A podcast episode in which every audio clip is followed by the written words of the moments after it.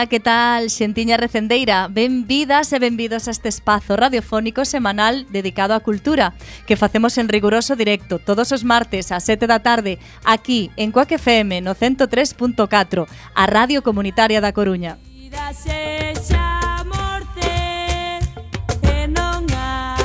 Xa os sabedes case todas, este programa ben presentado pola agrupación cultural Alexandre Bóveda. Podedes escoitalo en directo a través da internet na páxina da emisora coacfm.org directo e tamén na aplicación móvil. E se non chegaches a tempo, non tes excusa, compañeira.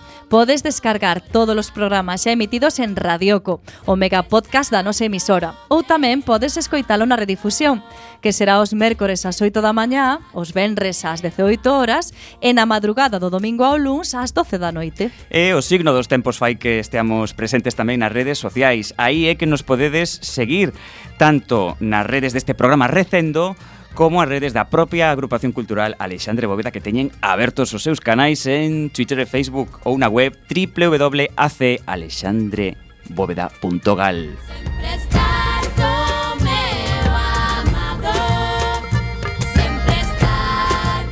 E xa sen máis imos caraló na procura desta fantástica aventura cultural con Miguel Anxo Facal e Roberto Catoira no control técnico e falándolles coa Almanteira, Manu Castiñeira. Sen esquecer a Marta López.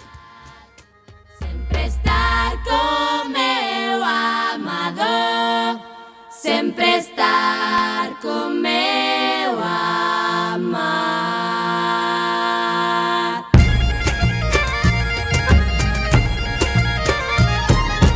Tarde de maio e chegamos ao programa número 325. Hoxe estarán connosco dúas persoas en representación de Teatro do Andamio, Tatiana Lijasheva, directora e fundadora, e Fran Giraldo, actor da compañía e profesor da Escola de Teatro. Teremos tamén hoxe a sección de literatura a cargo de Biblos Clube de Lectores e, por suposto, falaremos das actividades da nosa agrupación e dos outros eventos que se fan na Coruña e na Galiza e que, por suposto, tamén son cultura. En canto á música de hoxe, xa que o Teatro do Andamio está máis especializado en teatro infantil, imos poñer algunha desa maravillosa música en galego da que levamos moitos anos gozando. No, ado, no ano 2010, ao comezo desta década, Magín Blanco pasouse do pop en español á música infantil en galego, editando un delicioso disco titulado A nena e o grilo. Presentamos a primeira peza de hoxe titulada A rumba das apertas. Doutor, doutor, receiten apertas, jornadas.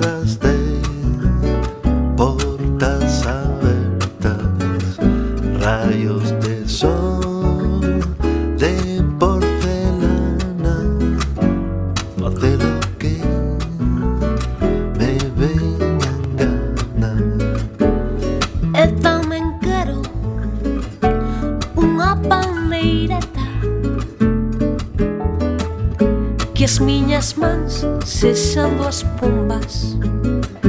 E que repartan a loumiños Os debuxos que fan as sombras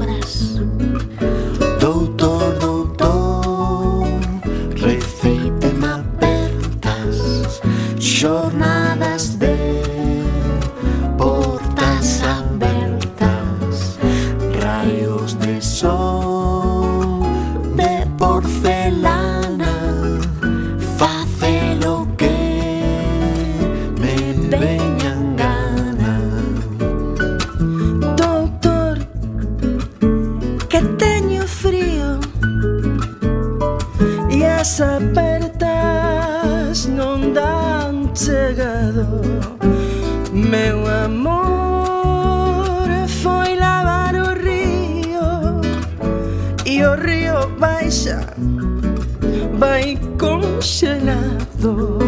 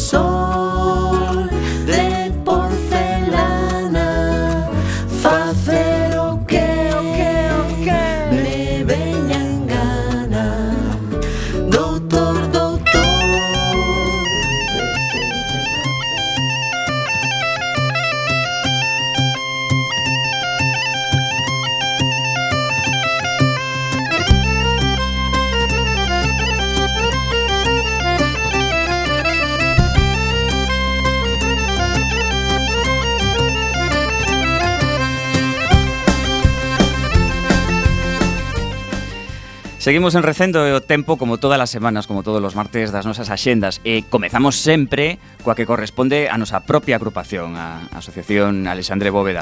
E se vos digo, mércores 29, mm, que ninguén se despiste, sobre todo se nos escoitades en directo, porque o mércores 29 no é outro día que mañá.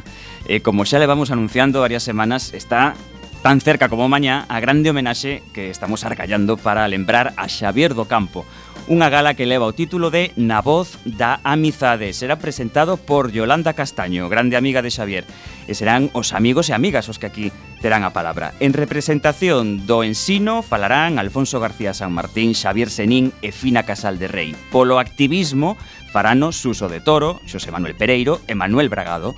A literatura estará representada por Paco Martín, María Xesús Fernández e María Canosa. Paula Carballeira lembrará o polo relato oral e a música estará na voz e na guitarra de Miro Casabella. A lectura da súa obra, por outra banda, será a cargo de Daniel Laxe e Uxía López, unha colección estupenda de persoeiros para este acto. Antes, ás 6 da tarde colocarase unha placa na casa onde viviu, na Praza González do Peso número 1, e a gala final é ás 8 e media no Teatro Rosalía de Castro.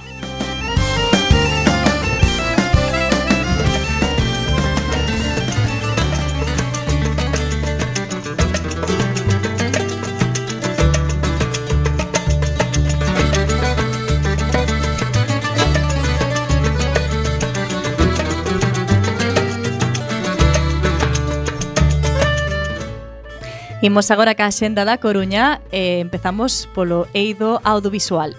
Esta semana remata o necesariamente breve ciclo dedicado no Cegai a James Dean, coa proxección de Xigante, dirixida por George Stevens en 1956. Será o xoves 30 de maio, pero ollo, debido á longa duración da mesma, proxectana no pouco habitual horario das sete e media da tarde.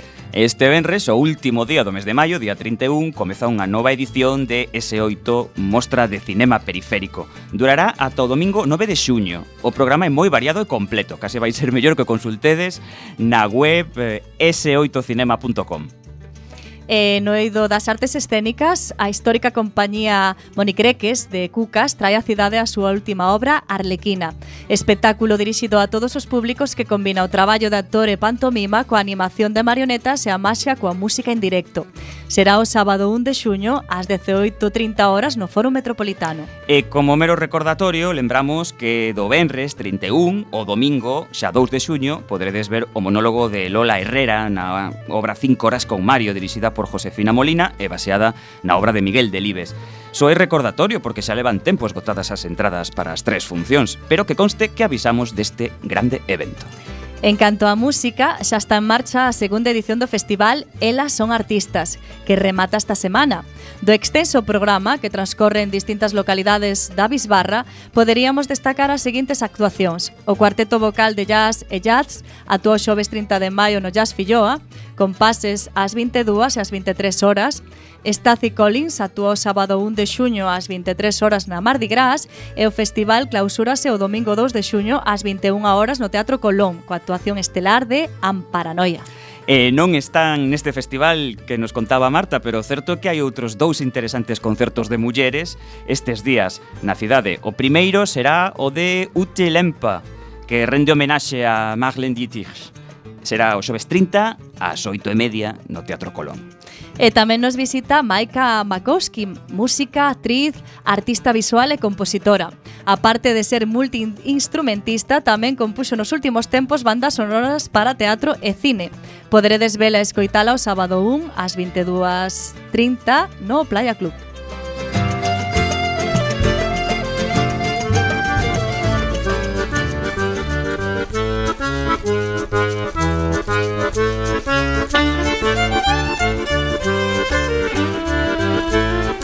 E o noso recendo medra e expándese de forma que chegamos á xenda que cubre boa parte do territorio galego, a xenda de Galiza.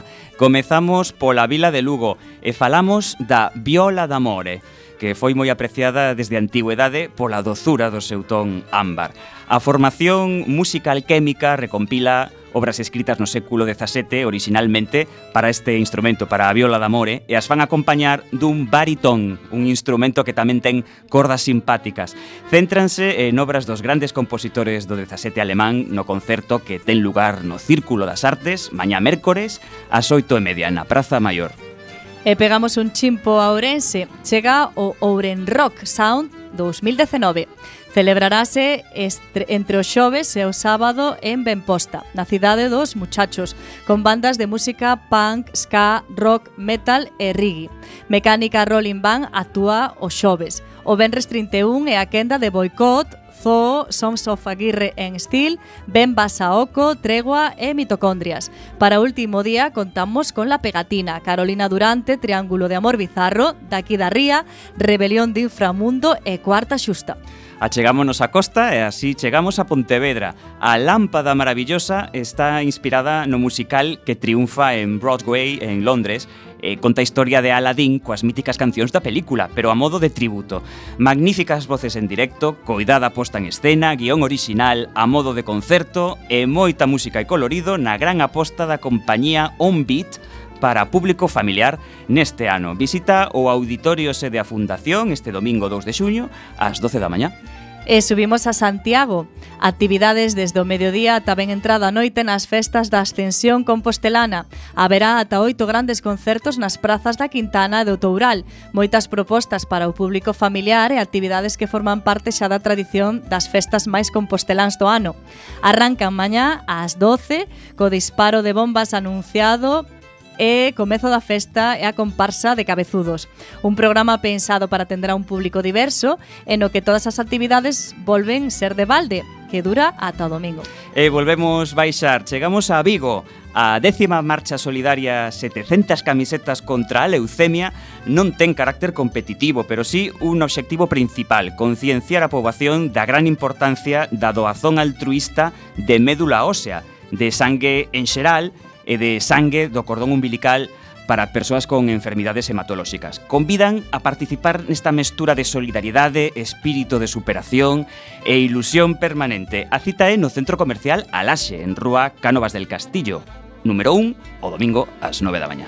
E imos a Ferrol, todo vai sair ben. É o berro de guerra de Jairo co seu proxecto de Pedro, un artista que ten pisado as instalacións de Quack FM. Nesta ocasión, trátase dunha oportunidade de volver a interpretar parte do seu cancioneiro unha vez que as composicións colleron o sabor da barrica de centos e centos de concertos.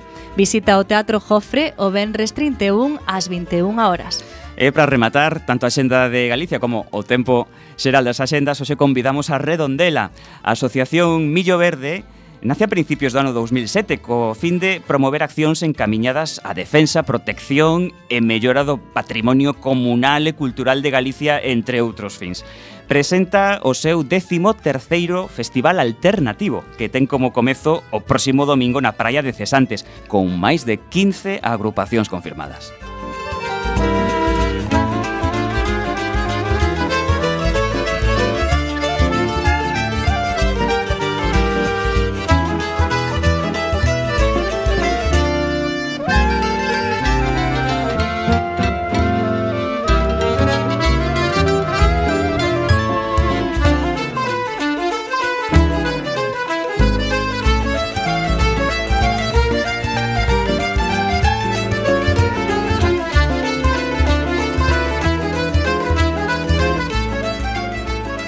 Estades en Recendo, en Coac FM, o momento agora da nosa entrevista.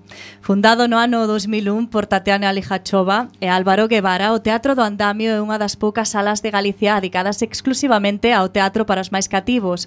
Ubicado na rúa Alcalde Suárez Ferrín, o Teatro do Andamio non só é unha sala destinada a eventos teatrais, tamén é unha escola de teatro para cativos, adolescentes e adultos, así como base de operacións para a propia compañía da sala, tamén chamada Teatra, Teatro do Andamio. A compañía dirixida polos propios Tatiana, Tatiana Lijachova e Álvaro Guevara, conta con sete espectáculos en activo, en concreto Insubmisión, La Plancha, Miau, A Cincenta, Carapuchiña no, fa, no Faido e Os Tres Porquiños e o Lobo Feroz. A compañía, dende un comezo, foi concebida para se nutrir das actrices e actores xurdidos da Escola de Teatro do Andamio. Efectivamente, Teatro do Andamio nace primeiro coa concepción de ser unha escola na que os coruñeses puidesen aprender teatro baseándose nas máis modernas técnicas europeas, ao mesmo tempo que ser unha sala alternativa para que os alumnos para que os alumnos se puidesen iniciar no mundo profesional e pasar a formar parte da compañía. A escola está dirixida, como dicíamos, por Tatiana Lijashova, desde Rusia e os seus profesores son Gema Ulloa e Fran Giraldo. Os obxectivos pedagóxicos do seu labor son promover as capacidades creativas dos alumnos a través do xogo, a improvisación teatral e o cambio dos roles. E grazas a estes procedementos agardan que o alumnado gañe confianza en si sí mesmo, respeten respecten o próximo por moi diferente que sexa e aprenda a asumir responsabilidades. A escola, se temos a información correcta, conta con tres grupos ben diferenciados. Eh, os nenos de 8 a 11 anos, cos que traballan o desenvolvemento do individuo e a súa integración no grupo, os rapaces entre 12 e 17 anos cos que seguen avanzando no proposto no primeiro grupo e por último o formado por alumnado maior de idade eh, no cal o fundamental son os conceptos punto de encontro e volta o comezo dos que podemos falar un pouco máis polo miúdo na entrevista. Así que non imos agardar máis. Xa saudamos e presentamos a Tatiana e a Fran do Teatro do Andamio. Pois moi boas tardes, Tatiana e Fran. Buenas tardes. Boas tardes. ben, contádenos para comezar como é que nace Teatro do Andamio e por que se decide que se vai ubicar na cidade da Coruña? Eh, teatro nace cuando nosotros, Álvaro y yo, vinimos de Argentina. Y bueno, somos, uh, somos uh, dos profesionales de teatro desde mucho tiempo. Eh, estudiamos en Rusia, estudiamos en Rusia eh, dirección teatral, interpretación, y siempre tuvimos muchas, muchas ganas de hacer algo eh, propiamente es nuestra escuela propia eh, y nuestra pequeña sala donde alumno, después de aprender, eh, puede probar hacer algo relacionado con teatro, pero completo. Estudio y mostrar. Y empezamos a andar eh, hace 17 años, sí. Y de verdad, eh, en este momento tenemos ocho grupos, ¿es cierto? Uh -huh ocho grupos de edades diferentes y la escuela sigue creciendo. Eh, para el año que viene vamos a abrir tres más. ¿Por qué? Porque hay muchos, muchos alumnos que quieren participar en esta actividad. Sí. Eh, cal foi o motivo polo cal Álvaro que tiven o gosto de coñecer e ti eh, chegastes a Coruña desde Argentina? Bueno, eh, Álvaro vivió aquí bastante mm. tiempo. Uh, yo creo que vivió siete años, después volvió a Argentina y después otra vez de decidimos volver aquí en España. Porque primero siempre eh, eh, era un punto de eh, en, encuentro entre Rusia y Argentina. Yo soy rusa, él argentino gallego. Entonces eh, siempre pensamos, ¿dónde nos encontramos? En algún lugar en el medio. Entonces, algún lugar del medio eh, eh, fue España y precisamente Galicia. ¿Y por qué Galicia? Porque también vivió aquí, eh, tiene raíces de aquí, de, de, sus abuelos son de Coruña. Eh, y además clima mucho mejor. ¿Por qué? Porque no hace mucho calor. Y para, para mí como rusa es una maravilla. Mm. Mira, desta forma, pois a cidade da Coruña tivo a sorte, se, tendo a sorte de, de contar con Teatro do Andamio. ¿No? Bueno, esperemos que sí. Claro que sí. esperemos que sí. Non foi noutra vila, senón na Coruña. Eh, eh, contanos un pouco, foi complicado votar a andar a escola nos inicios? Eh, empezar a andar siempre es difícil. Siempre es difícil. Porque uno puede tener mucha ilusión, muchas ganas, pero lo que tiene que tener mucha paciencia Y entender que poco a poco, paso a paso, eh, las cosas se hacen. A lo mejor eh, no tan rápido como a uno le gustaría, pero eh, a partir de todos estos años, o viendo todos estos años, entiendo que lo que más y mejor funciona es boca a boca. Eh, porque alumno que está bien en la clase, que está aprendiendo, que está contento, que está encontrando eh, espacio donde estar feliz y con otra gente que verdaderamente puede compartir las cosas, va a volver, siempre. Y hay alumnos que empezaron con 5 años y terminaron con 18. ¿Por qué? Porque tenía que ir a la universidad, ir a otra ciudad. Entonces, claro, algunos estaban con nosotros tres años, y algunos vi de muy pequeños a muy grandes. Y es un placer porque es una parte de mi vida y de ellos también. Sí. Eh, e ademais da escola está a propia sala e a compañía. Eh, algún momento especialmente duro eh, no camiño para, para seguir tirando adiante do, do proxecto? Eh, mm, al principio, yo le dije, eh, principio era difícil, porque hay que tener, eh, como cualquier eh, escuela o cualquier empresa pequeña, primeros tres años son más duros. Pero yo creo que últimamente también son un poco duros. Sí. Sí, porque yo creo que crisis eh, nos tocó a todos. Eh, y nosotros no podemos quejarnos, ¿por qué? Porque tenemos muchos alumnos. Pero verdaderamente eh, yo creo que todo relacionado con artes últimamente o cultura eh, mm, tiene dificultades, lamentablemente. Eh, e podemos decir que o núcleo duro de todo mm, eh, o que supón o teatro do andamio é a escola. Sí, sí, porque eh, así empezó. eh, empezó como una idea de hacer una escuela de teatro, porque en aquel momento eh, no había eh, escuela oficial de teatro, eh, que ahora sí que existe. Eh, y de a poco nosotros empezamos a cambiar un poquito punto de vista y ahora teatro eh, para prácticamente todos los alumnos es eh, una herramienta de desarrollo profesion- personal eh, donde puede aprender muchísimas cosas que siguen eh, usando en vida, en la vida eh, diaria o profesión, cualquiera. Porque teatro puede dar eh, muchas posibilidades a cualquier persona, no importa si tiene 5 años o 75. 95 no quiero decir porque no tuve un alumno de 95, pero de 75 sí. Carai. E canta xente hai implicada na xestión da escola de teatro? Eh, en este momento somos tres eh, profesores, actores, directores que están haciendo un poquito de todo.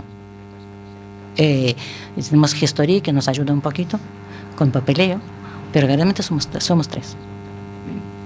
Eh, está moi ben a idea que tivestes de crear unha, un, un grupo específico para, para nenos, eh, teatro concretamente infantil. Eh, esta decisión xa tomastes desde o principio e por que foi así? Eh, mm, empezamos primero, empezamos así porque nos pareció muy interesante eh, empezar con los niños porque eh, yo creo que al niño cuando empiezas eh, de- desde muy temprana edad, los niños se acostumbran a hacer las cosas y les interesa. Y empiezan a entender que hacer teatro o ver teatro es algo muy divertido, que puede ser no solamente divertido, también es mm, eh, conocimiento, eh, hacer, saber, hacer, saber hacer preguntas, dudar, eh, compartir. Entonces, hay, hay muchísimas cosas que eh, el niño puede aprender. Por eso empezamos con los niños pequeños. Y hacer teatro para los niños es muy difícil, en sentido que los niños son eh, muy honestos. Si no le gusta, va a decir, no me gusta. Y no va a quedar sentado eh, y no va a decir, "Buah, voy aguantando. No, va a decir. Entonces tenemos que trabajar muchísimo para que el niño, es, espectáculo para el niño sea, sea interesante. Para darlle un pouco de voz a Fran tamén, que temos aquí, que estás caladiño de momento, ti coincides co que acaba de decir Tatiana, facer teatro para, xa non só para, para nenos, para nenos e para adolescentes, ten esa, esa complicación engadida.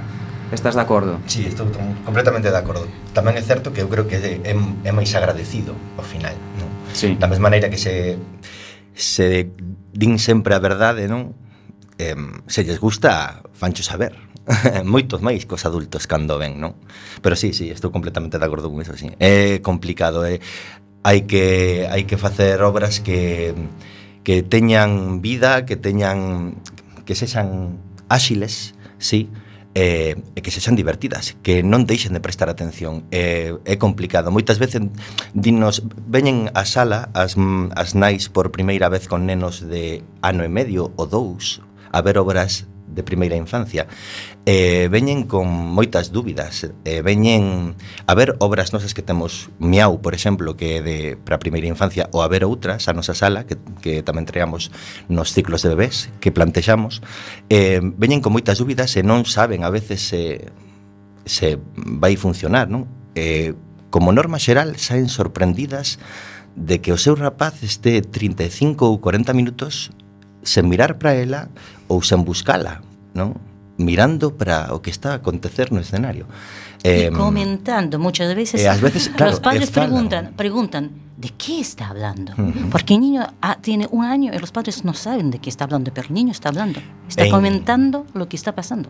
E interactúa, ca actriz ou co actor.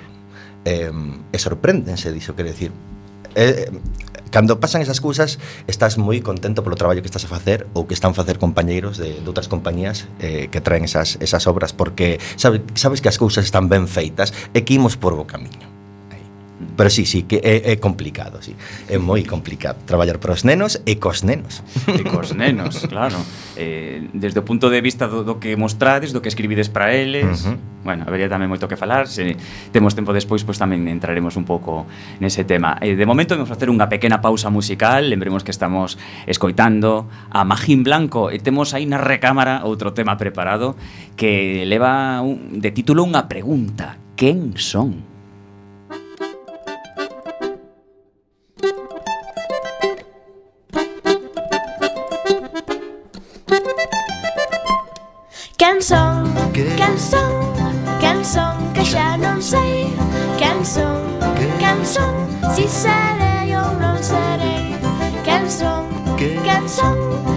son, que xa non sei quen son, quen son non sei se me atoparei serei cebola ou serei allo ou só serei un espantada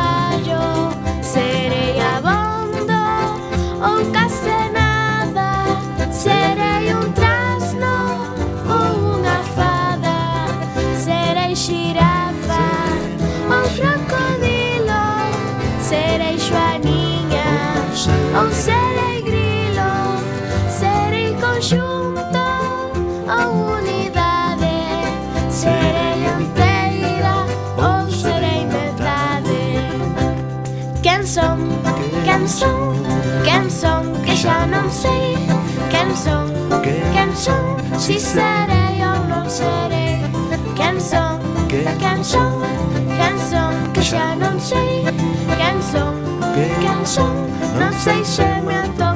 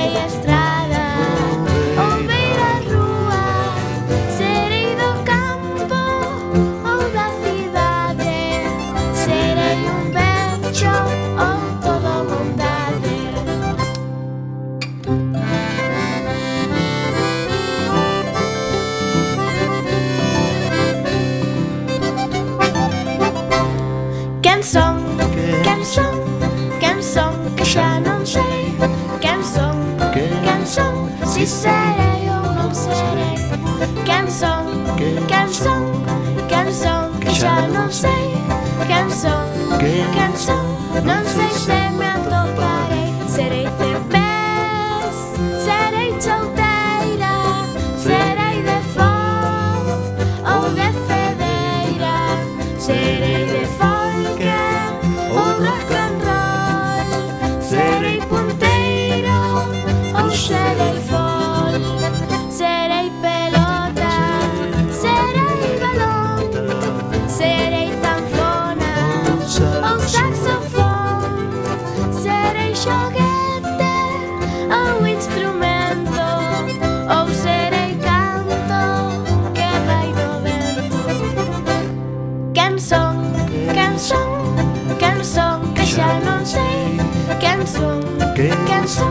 si serei ou non serei Retomamos a nosa conversa con Tatiana e Fran do Teatro do Andamio Eh, antes comentamos que tiñades tres grupos de idades. Uh -huh. eh, cales son os beneficios do teatro en cada grupo de idade? Uh -huh. Bueno, realmente temos catro. Ai, tedes catro. Temos catro, vale, sí, pues porque temos dividi entonces. temos dividido eh, temos un grupo máis eh, que estábamos plantexándonos a posibilidade de que facer con el ou non, pero de, debido á demanda lógicamente imos seguir con el porque temos temos alumnos entre 5 e os 8 anos. Vale? Ese sería o primeiro grupo que temos do primeiro tramo de idade. O sea, o primeiro, o un neno con menos de 5 anos non se pode apuntar, entonces. Tivemos algún de 4, 4 e medio, verdad? es que depende, sempre dicimos, vamos a hacer unha entrevista. Sí, nós facemos sempre entrevistas claro. a todos os alumnos, teñan 5 anos ou teñan 75. Para que aprendan a hablar en público. O para que aprendan a hablar con la persona que está delante, aunque no conozca. Porque es un poquito idea. Y tiene que decir, mm, responder dos cosas, nada más. ¿Por qué te gusta hacer teatro? ¿Y por qué ahora? Y si puede explicar o no. pero e mostramos teatro e mostramos que lo que hacemos, etcétera, etcétera. É unha primeira toma de contacto para que para que nos coñeza e eh, coñeza o lugar onde vai estar, porque onde facemos sempre a, a entrevista, pero sí, entrevistamos para coñecelos a todos e así ver tamén en que tramos de idade podemos meter a un alumno ou a outro, non? Porque un alumno con 11 ou 12 anos pode ir a un grupo ou a outro. Entón, dependendo de como vexamos, pois podemos incorporalo a un a un ou a outro, sí en, en esa entrevista que facedes atopades frecuentemente a resposta unha resposta imprecisa que, que non saben por que lles gusta o teatro? Sí, sí. Cos nenos máis pequenos, sí, por suposto.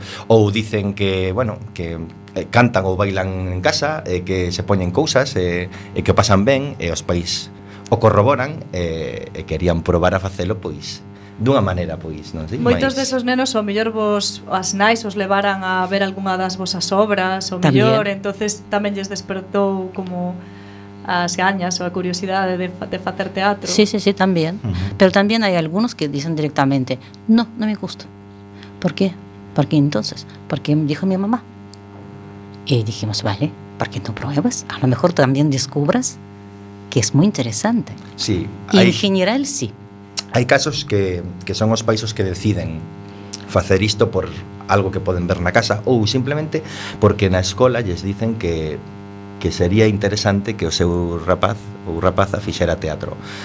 Eh, nos creemos que nos creemos que é unha ferramenta pedagóxica fundamental. Eh, sobre todo para a primeira infancia e sobre todo con nenos que poden eh, que poden ter algún tipo de, de dificultade agora de expresarse ou agora de socializar. Eh, e cos nenos pequeniños, eh, eh, o máis importante eso, é xogar. É xogar a, a ser o que queiran ser. Xogamos a ser persoaxes de contos, por exemplo, cos es, con ese primeiro grupo de nenos de 5 ou 8 anos, non? Para que se solten, para que coñezan a xente que son maiores ou máis pequenos que a eles, de outros colexios, nenos, nenas, eh, indistintamente e, e para que saiban falar diante de xente que non coñecen e de persoas como eles, non? Eh, ese é o primeiro o, o primeiro obxectivo fundamental. Logo, cando, cando cambiamos de tramo, xa empezamos a ser un poquinho máis exixentes, non? Pero ese é o primeiro, e creemos que é fundamental, sí, que, que Entón o primeiro vai de 5 a 8 anos. De 5 a 8 anos. E sí. despois os outros? De, despois ata os 12 é o segundo de 8 grupo. 12 anos. Ajá. E o terceiro vai ata os 18 que son maiores de idade, que é o, o grupo de adolescentes. E despois o último sería o tramo de adultos. E esos aí non hai a partir dos 18 non hai límite, A partir dos 18 non, non hai límite. Dixeches que o máis maior é eh, 70 e pico. Sí, sí, sí, uh -huh. sí, sí, sí. Entonces, eh, todo el mundo puede hacer teatro. Moi ben. Todos, eh, en cualquier edad. E que, e que aporta entonces o teatro á vida da xente? Que nos aporta? Según vos. Eu creo que precisaríamos de outro programa, de outro programa inteiro para poder contestar a esto. Muchísimas cosas, Ujú. muchísimas cosas. Imaginación. Mira, yo siempre digo, teatro es, tiene cuatro cosas básicas. Primero, entrena emociones. Eh, entrena parte física, corporal. Porque accionamos. Eh, eh, razonamos porque tenemos que hacer un análisis de, de texto, entender cómo es la historia o cómo es el personaje, o sea, parte racional.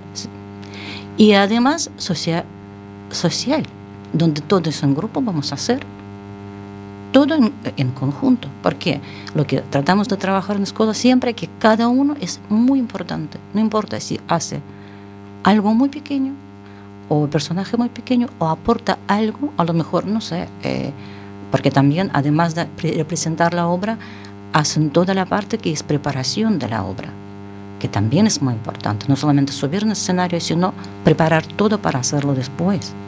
Entonces, verdaderamente hay todo el cuerpo que trabaja y cuando uno aprende así es que mejor cuando queda, le queda para toda la vida todo lo que a, a aprendan en teatro. Uh. Moi ben, e o cometido do teatro no século XXI, cale?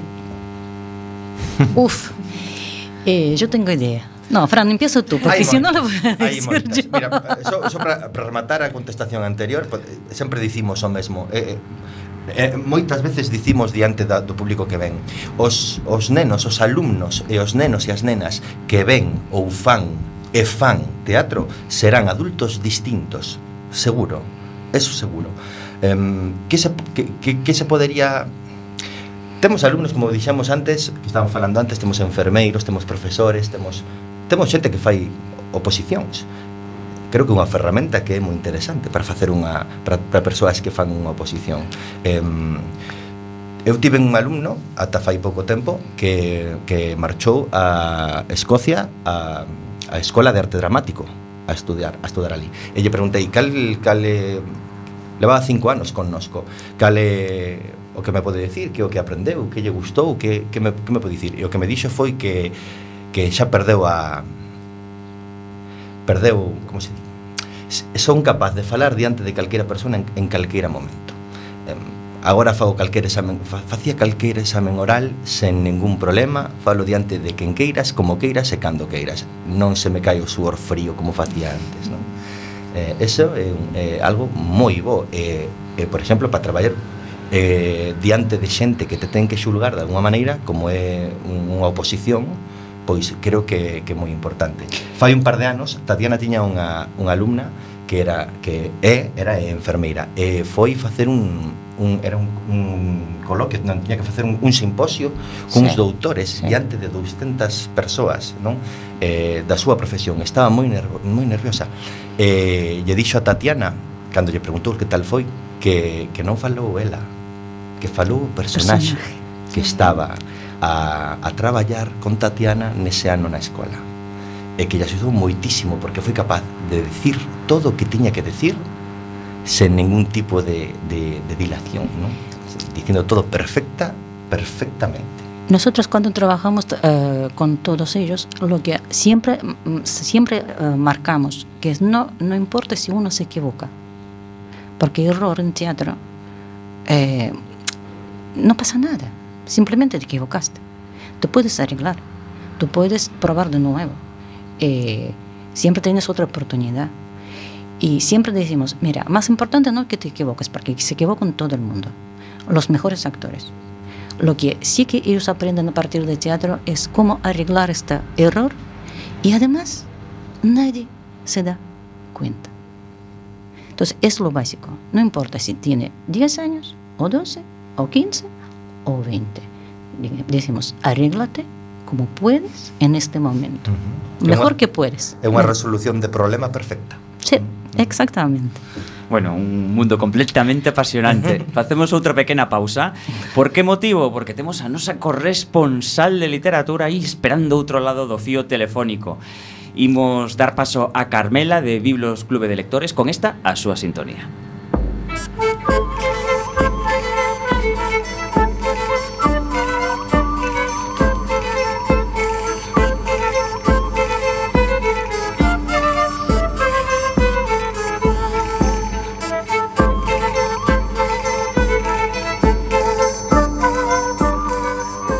Carmela, moi boa tarde, que tal? Hola, moi boa tarde. Como me gustou iso de corresponsal de literatura, a fin de contas xunta aí a miñas dúas paixóns, o xornalismo e a, e a literatura. Ah, Viches no cravo, eh? Alégrome moito, Carmela. que nos contas hoxe? Bueno, pois mira, eh, na intervención de, de Biblos de hai unhas semanas falábamos de, de O último barco que a tan agardada terceira entrega de Domingo Villar. Pois ben, hoxe vou falar de Beleza Vermella, que é o novo libro de Arancha Portavales, que está tamén publicado pola editorial Galaxia, e eh, pertence eh, ao mesmo xénero.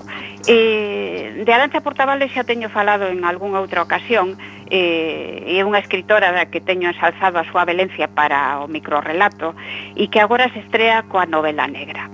Eh, nesta, eh, Siana, unha adolescente de 15 anos, aparece morta no seu cuarto na noite de San Xoán, mentes os seus pais celebraban no xardín da casa familiar canda a irmá da nai e unha parella de amigos. A nena aparece degolada e no cuarto onde asasinan reproducese un estético circular en branco e vermello eh, que os investigadores non tardan en relacionar cunha coñecida obra de arte. Para non dar moitos máis, non moitas máis pinceladas do tema, eh, nada máis que dicir que, bueno, todos os que estaban aquela noite dentro da casa pasan a ser esos únicos sospeitosos do crime, e eh, a verdade é que as de todos eles son vidas complexas, atormentadas, eh, con máis sombras que claros, e ao igual que a do psiquiatra que, atenta, que intenta axudar a irmá xemelga da nai, eh, logo de que está intenta suicida, logo de que intenta suicidarse. Bueno, pois eh, no texto hai un esforzo por, por intensificar a complexidade da figura de cada un dos personaxes e todos eles agochan segredos que irán saindo a luz a medida que se desentrañan os feitos que aconteceron naquela noite de San Xoán. E dunha novela negra paso ao libro de suspense da magnífica escritora Ledicia Costas, titúlase Infamia e está publicado por Xerais. Está a ter moito éxito entre as nosas socias e lectoras e lectores. A protagonista é Emma Cruz, unha abogada e profesora de Dereito Penal que se traslada a Merlo sen saber que este lugar está marcado pola desgraza. Tal e como exixen os bons relatos de suspense psicolóxico, hai detrás toda unha trama moi ben articulada que vai dosificando a intriga e tamén os silencios, as medias verdades. E pasando a outro registro, quero lembrar que a semana pasada concedeuse o Premio Princesa de Asturias das Letras a estadounidense Siri Hasbet. É unha intelectual preocupada por temas fundamentais da ética contemporánea, para resumir así moito o conxunto da súa obra. A editorial Jugin e Munin traduciu hai tempo ao galego o seu libro O verán sen homes, que é unha novela que non está lonxe do ensaio divulgativo, porque ademais da parte literaria aborda cuestións de calado tanto dende unha óptica humanista como científica. Eh, pois se verán en Minnesota e a protagonista ten que enfrontarse a, a dura decisión da súa parella de interromper a relación conxugal despois de 30 anos. Eh, no texto hai reflexións sobre a velleira, sobre a bioloxía, a neurociencia, a pubertade, a enfermidade, e con todo iso Hasbeck vai construindo un relato eh, moi emotivo escrito en primeira persoa. No terreno do ensaio lembrarei eh, que vende publicarse en Galaxia o primeiro volume do traballo que Miguel Anxo Xeixas desenvolveu arredor da figura de Castelao por espazo de 10 anos. Titúlase Castelao Constructor da Nación e terá outros dous volumes. E xa para rematar, eh, quero lembrar a un gran escritor galego que nos deixou hai case un ano, no mes de xuño de, do 2018. Estou a pensar en Xavier do Campo. Eh, nestes días volvín a topar na prensa unha declaración que fixera ao xornalista coruñés Rodri García, na que dicía algo tan intenso como que o acto máis sublime de amor que eu coñezo é contar unha historia. Pois ben, vai a dende esta libraría, na que a fin de contas veñen parar moitas desas historias, o noso recordo para o grandísimo contador que era Xavier do Campo. E máis nada por hoxe. Bueno, máis nada, como se fora pouco, eh? Deixasnos... Ui, hai moito máis, eh? Sí, pero deixasnos unhas, uns apuntamentos, eu creo que suficientes eh, para cando volvamos volvamos falar contigo, Carmela. Moi ben. Eh, moi bonita esa frase que nos dicías de, de Xavier do Campo, por certo. moi ben, pois pues, eh, mandamosche unha aperta, un saúdo e eh, que, que falemos eh, pronto, Carmela. Moitísimas bueno, grazas. Bueno, pois outra aperta e moitas grazas. Ata vermonos. Ata vermonos, ata loguiño.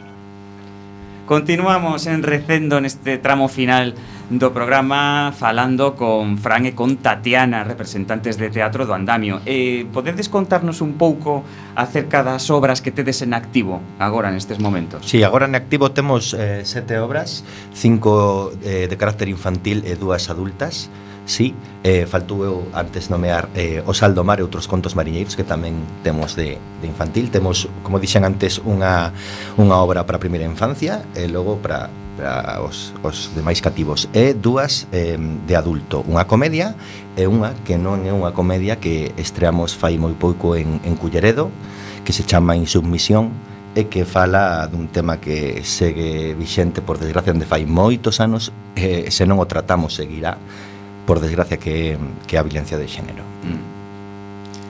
Sí, además es un tema complicado porque es una violencia, violencia de género, eh, es maltrato psicológico. Es un maltrato que no se ve, no se aparentemente eh, una persona lleva vida normal y llega a un punto cuando no entiende por qué cambió todo. Entonces, eh, es muy importante, nosotros pensamos que es muy importante hablar de este tema, eh, mostrar este espectáculo y cuando más sitios podemos ir sería mejor, no tiene por qué ser teatro en sí, puede ser un centro cultural, eh, eh, escuela, sobre todo bachillerato, bachillerato, porque si no empezamos a hablar antes, eh, muchas veces después ya es demasiado tarde. chegaremos tarde sí. Y además, cada vez eh, las noticias que dicen que hay lamentablemente muchos chicos jóvenes o chicas jóvenes que mm, se sienten eh, violencia de género que antes no existía, con móvil, control. Eh, é. entonces, ah, y creo que es un tema muy importante, muy delicado, y entonces nos gustaría mucho eh, llevar esta obra y no solamente llevar y mostrarla, sino después hablar, hablar con el público, hacer preguntas, tratar de hablar qué pasa, por qué, por qué las parejas o las personas que aparentemente se quieren, que viven juntas, que tienen hijo, llega un punto cuando esto todo se rompe. Tratamos este tema así, intentamos tentamos que non sexa non hai violencia explícita, Mm. lógicamente, pero sí que pode ser respirar de alguna maneira no eh, no ambiente. Eh, eh, bueno, está eh, está feita baixo un texto de, Eh, el autor de es Rosa Molero, Rosa Molero que é es Mm. unha valenciana que levou eh, o premio de, de o premio de Castellón en, en escena, eh, yo creo que es Valen- Valen- eh, premio Valencia, de Valencia. Sí, pero foi premio Castellón- nacional, non? Sí, premio, Premio nacional. Nacional de, de, De teatro. De teatro. Eh. É dicir, un texto que está moi ben escrito. Eh, merece a pena vela. A ver se a podemos facer moitos, moitas máis veces. Sí, sí, E traballades tamén con textos propios. sí, claro. Mm, Sí, claro, ese de feito ese é o único te, eh, texto que temos, non? Tatiana, Eh... eh... se, non, se me equivoco, é o único texto que temos que non fose escrito por ti ou por Álvaro. Sí. En general trabajamos con nuestros textos, sí. E incluso dos da escola, por suposto, claro, son textos que, que modificamos ou, ou creamos nosos mesmos, sí. E, eh, para dirixir esas obras, vos repartides o traballo, todos vos involucrades... No, no, lo- involucramos todo. Eh, así me sal- señala así, bien. Yo soy directora porque directora es la que ve desde fuera. Entonces, claro, es mm, eh, una parte más bien de coordinadora, de eh, probar, eh, buscar. Es un proceso creativo. Y es cierto que es un proceso entre los tres. Eh, porque uno prueba eh, a partir del texto, propone sus cosas, sus ideas, porque, por ejemplo, con, con En su visión nos pareció una- un trabajo muy interesante. ¿Por qué? Porque siempre cuando hablan de violencia de género, siempre hablan de, mm, dan palabra a, a la mujer para tratar de entender lo que está pasando. Pero nosotros en este caso lo que dijimos, no, no, vamos a hablar de los dos, de la pareja, porque son dos. Entonces los dos tienen que eh, eh, encontrar la solución o superar un problema. Entonces vamos a ir viendo a ver eh, qué, qué pasa, dónde fa- hay fallos, dónde... Por eso nos interesaba mucho como opinión de él, como actor, que hace un personaje que un chico normal, de estos de todos de toda la vida cuando dices no este, es un, un maravilloso un simpático y después vamos termina como termina. Eh, no termina termina bien. Pero a él le cuesta muchísimo hacer el personaje. Y si quieres explícale por qué. No no es cierto. Non é doado explicar por qué, pero sí, é, Es mu- eu, eu remato as obras bastante Afectado. Ba bastante afectado, sí. Sí, sí. sí, bastante afectado. Eso é o que digo, que non hai violencia, violencia explícita, eh, e non queremos que haxa violencia explícita, pero sí que queríamos trasladar un, unha, un, sentimento, un sentimento de, de eso, de, pois, pues, en algún momento, pois, pues, de agobio, non? O de, de, do que se pode sentir non? dentro de unha casa, o, o, o que pode vivir tanto un, tanto ela como el, non? porque, bueno, é, é, é moi difícil levar a cabo un, un proxecto así, pero sí, sí. É, é, como decíades, sí, que preguntades, é, é fundamental que haxa unha visión eh, obxectiva ou dende fora, non? Traballamos os tres, plantexamos problemas, conflictos, preguntas os tres, por suposto, pero sí que é fundamental que ela vexa todo onde fora para podernos dirixir ben hacia onde queremos queremos mostrar esta, Sí, sí, es punto de vista eh, afuera, exterior. Mm. Porque muchas veces nosotros, eh, cuando nos dan consejos, siempre dicen, no, consejos desde afuera se da muy, muy fácil. Lo que está adentro, a veces es muy difícil resolver problemas. hai que leválos a cabo, pero ¿Por qué? Porque, eh, porque puede ser problema, eh, hay eh, muchas veces soluciones o, muy fáciles, justamente más difícil de llegar. Este tema do que falades está completamente de actualidade. Uh -huh. eh, que, que criterios seguides para escoller as obras? Porque tamén comentábamos antes a Micropechado que tedes aí un texto filosófico, verdade, de Sartre. Bueno, son, son motivos eh, escénicos, literarios, de temática. Que criterios seguides pues para normalmente cos, cos, cando facemos unha obra para nenos pequenos, eh, que no que máis especializados nese, nese sentido estamos, eh, traballamos con textos que, que son de, de obras clásicas de textos populares e sempre lle damos unha volta porque non estamos moi de acordo como rematan normalmente os, os contos populares non? Eh, xa empezamos así xa comezamos así a, a darlle un poquinho a volta a, forma de pensar ou de ver a esa empatía que queremos transmitir tamén o, cos rapaces. E logo pois mira neste caso insumisión recollimula dun caixón que xa estaba aí fai oito anos ou máis non? Eh, e creíamos que era un momento como repito por desgraza que que, que fai oito anos se podía falar, fai 18 e se segue podendo falar disto. Pero además, eh, yo, por ejemplo, cuando trato de dirigir obra, siempre pienso eh, fundamentalmente qué puede, qué puede interesar al público. Es muy importante para mí saber si el público esto puede interesar, siempre va a venir a verlo. Porque hablamos de la vida, al fin y al cabo. Es un espejo. Entonces vamos a hablar de cosas cotidianas que puede eh, tener interés para cualquiera. Para cualquiera. E volvendo un pouco á escola, eh, cara son os horarios dos diferentes grupos? Pois mira, como, como dixemos antes, imos facer unha ampliación da escola porque estamos moi contentos co resultado que temos. Eh, eh, eh, eh imos a facer unha ampliación imos a, eh, abrir tres grupos novos. E eh, os horarios normalmente son para os adolescentes todas as tardes eh, de lunes a venres de seis e media a oito e media. E os máis cativiños, os pequeniños, sería ás 11 da maña do sábado de 11 a 12 e media e de 12 e media a 2 os, o segundo tramo de idade que tamén teñen o seu espazo noutro grupo o Benres pola tarde de 5 a 6 e media. E logo os adultos son todos eh, con un horario nocturno porque como sabemos que traballan e eh, queren participar nunha actividade tamén así que é moi interesante pois temos horarios de luns a xoves de, en dous grupos separados luns, mércores, martes, xoves de 9 a 10 e media. E plantexamos a apertura do outro máis pola demanda que e, por, e porque eles mesmos nos dixeron que poderíamos facer algo así e facer un grupo un sábado pola noite tamén. E pro ano que ven, a partir de outubro, plantexaremos a apertura dun novo grupo de adultos para o sábado pola noite. Eh, cando nos podemos apuntar á escola, por exemplo? Agora mesmo. El lunes empezamos. hai, hai prazo de inscripción? Ou... El lunes, sí. empezamos el lunes. A partir do lunes 3 de, de xuño xa, xa, porque nos estamos rematando agora mesmo cas mostras, os adolescentes están rematando as mostras e agora comezaremos cas mostras dos, medi, dos medianos, dos pequenos e dos adultos. E en xuño remataremos con elas e aí empezaremos a ver que, que grupos temos para o ano que ven. Que Marta, animámonos. Ai, eu casi me animo, eh? Sí. Claro, sempre me ah. quedo aí o anillo do Hai grupos do de verano, eh? Hai grupos de verano para aquellos que nunca hicieron nada e queren probar. Claro, tamén imos facer ah, tres cursos.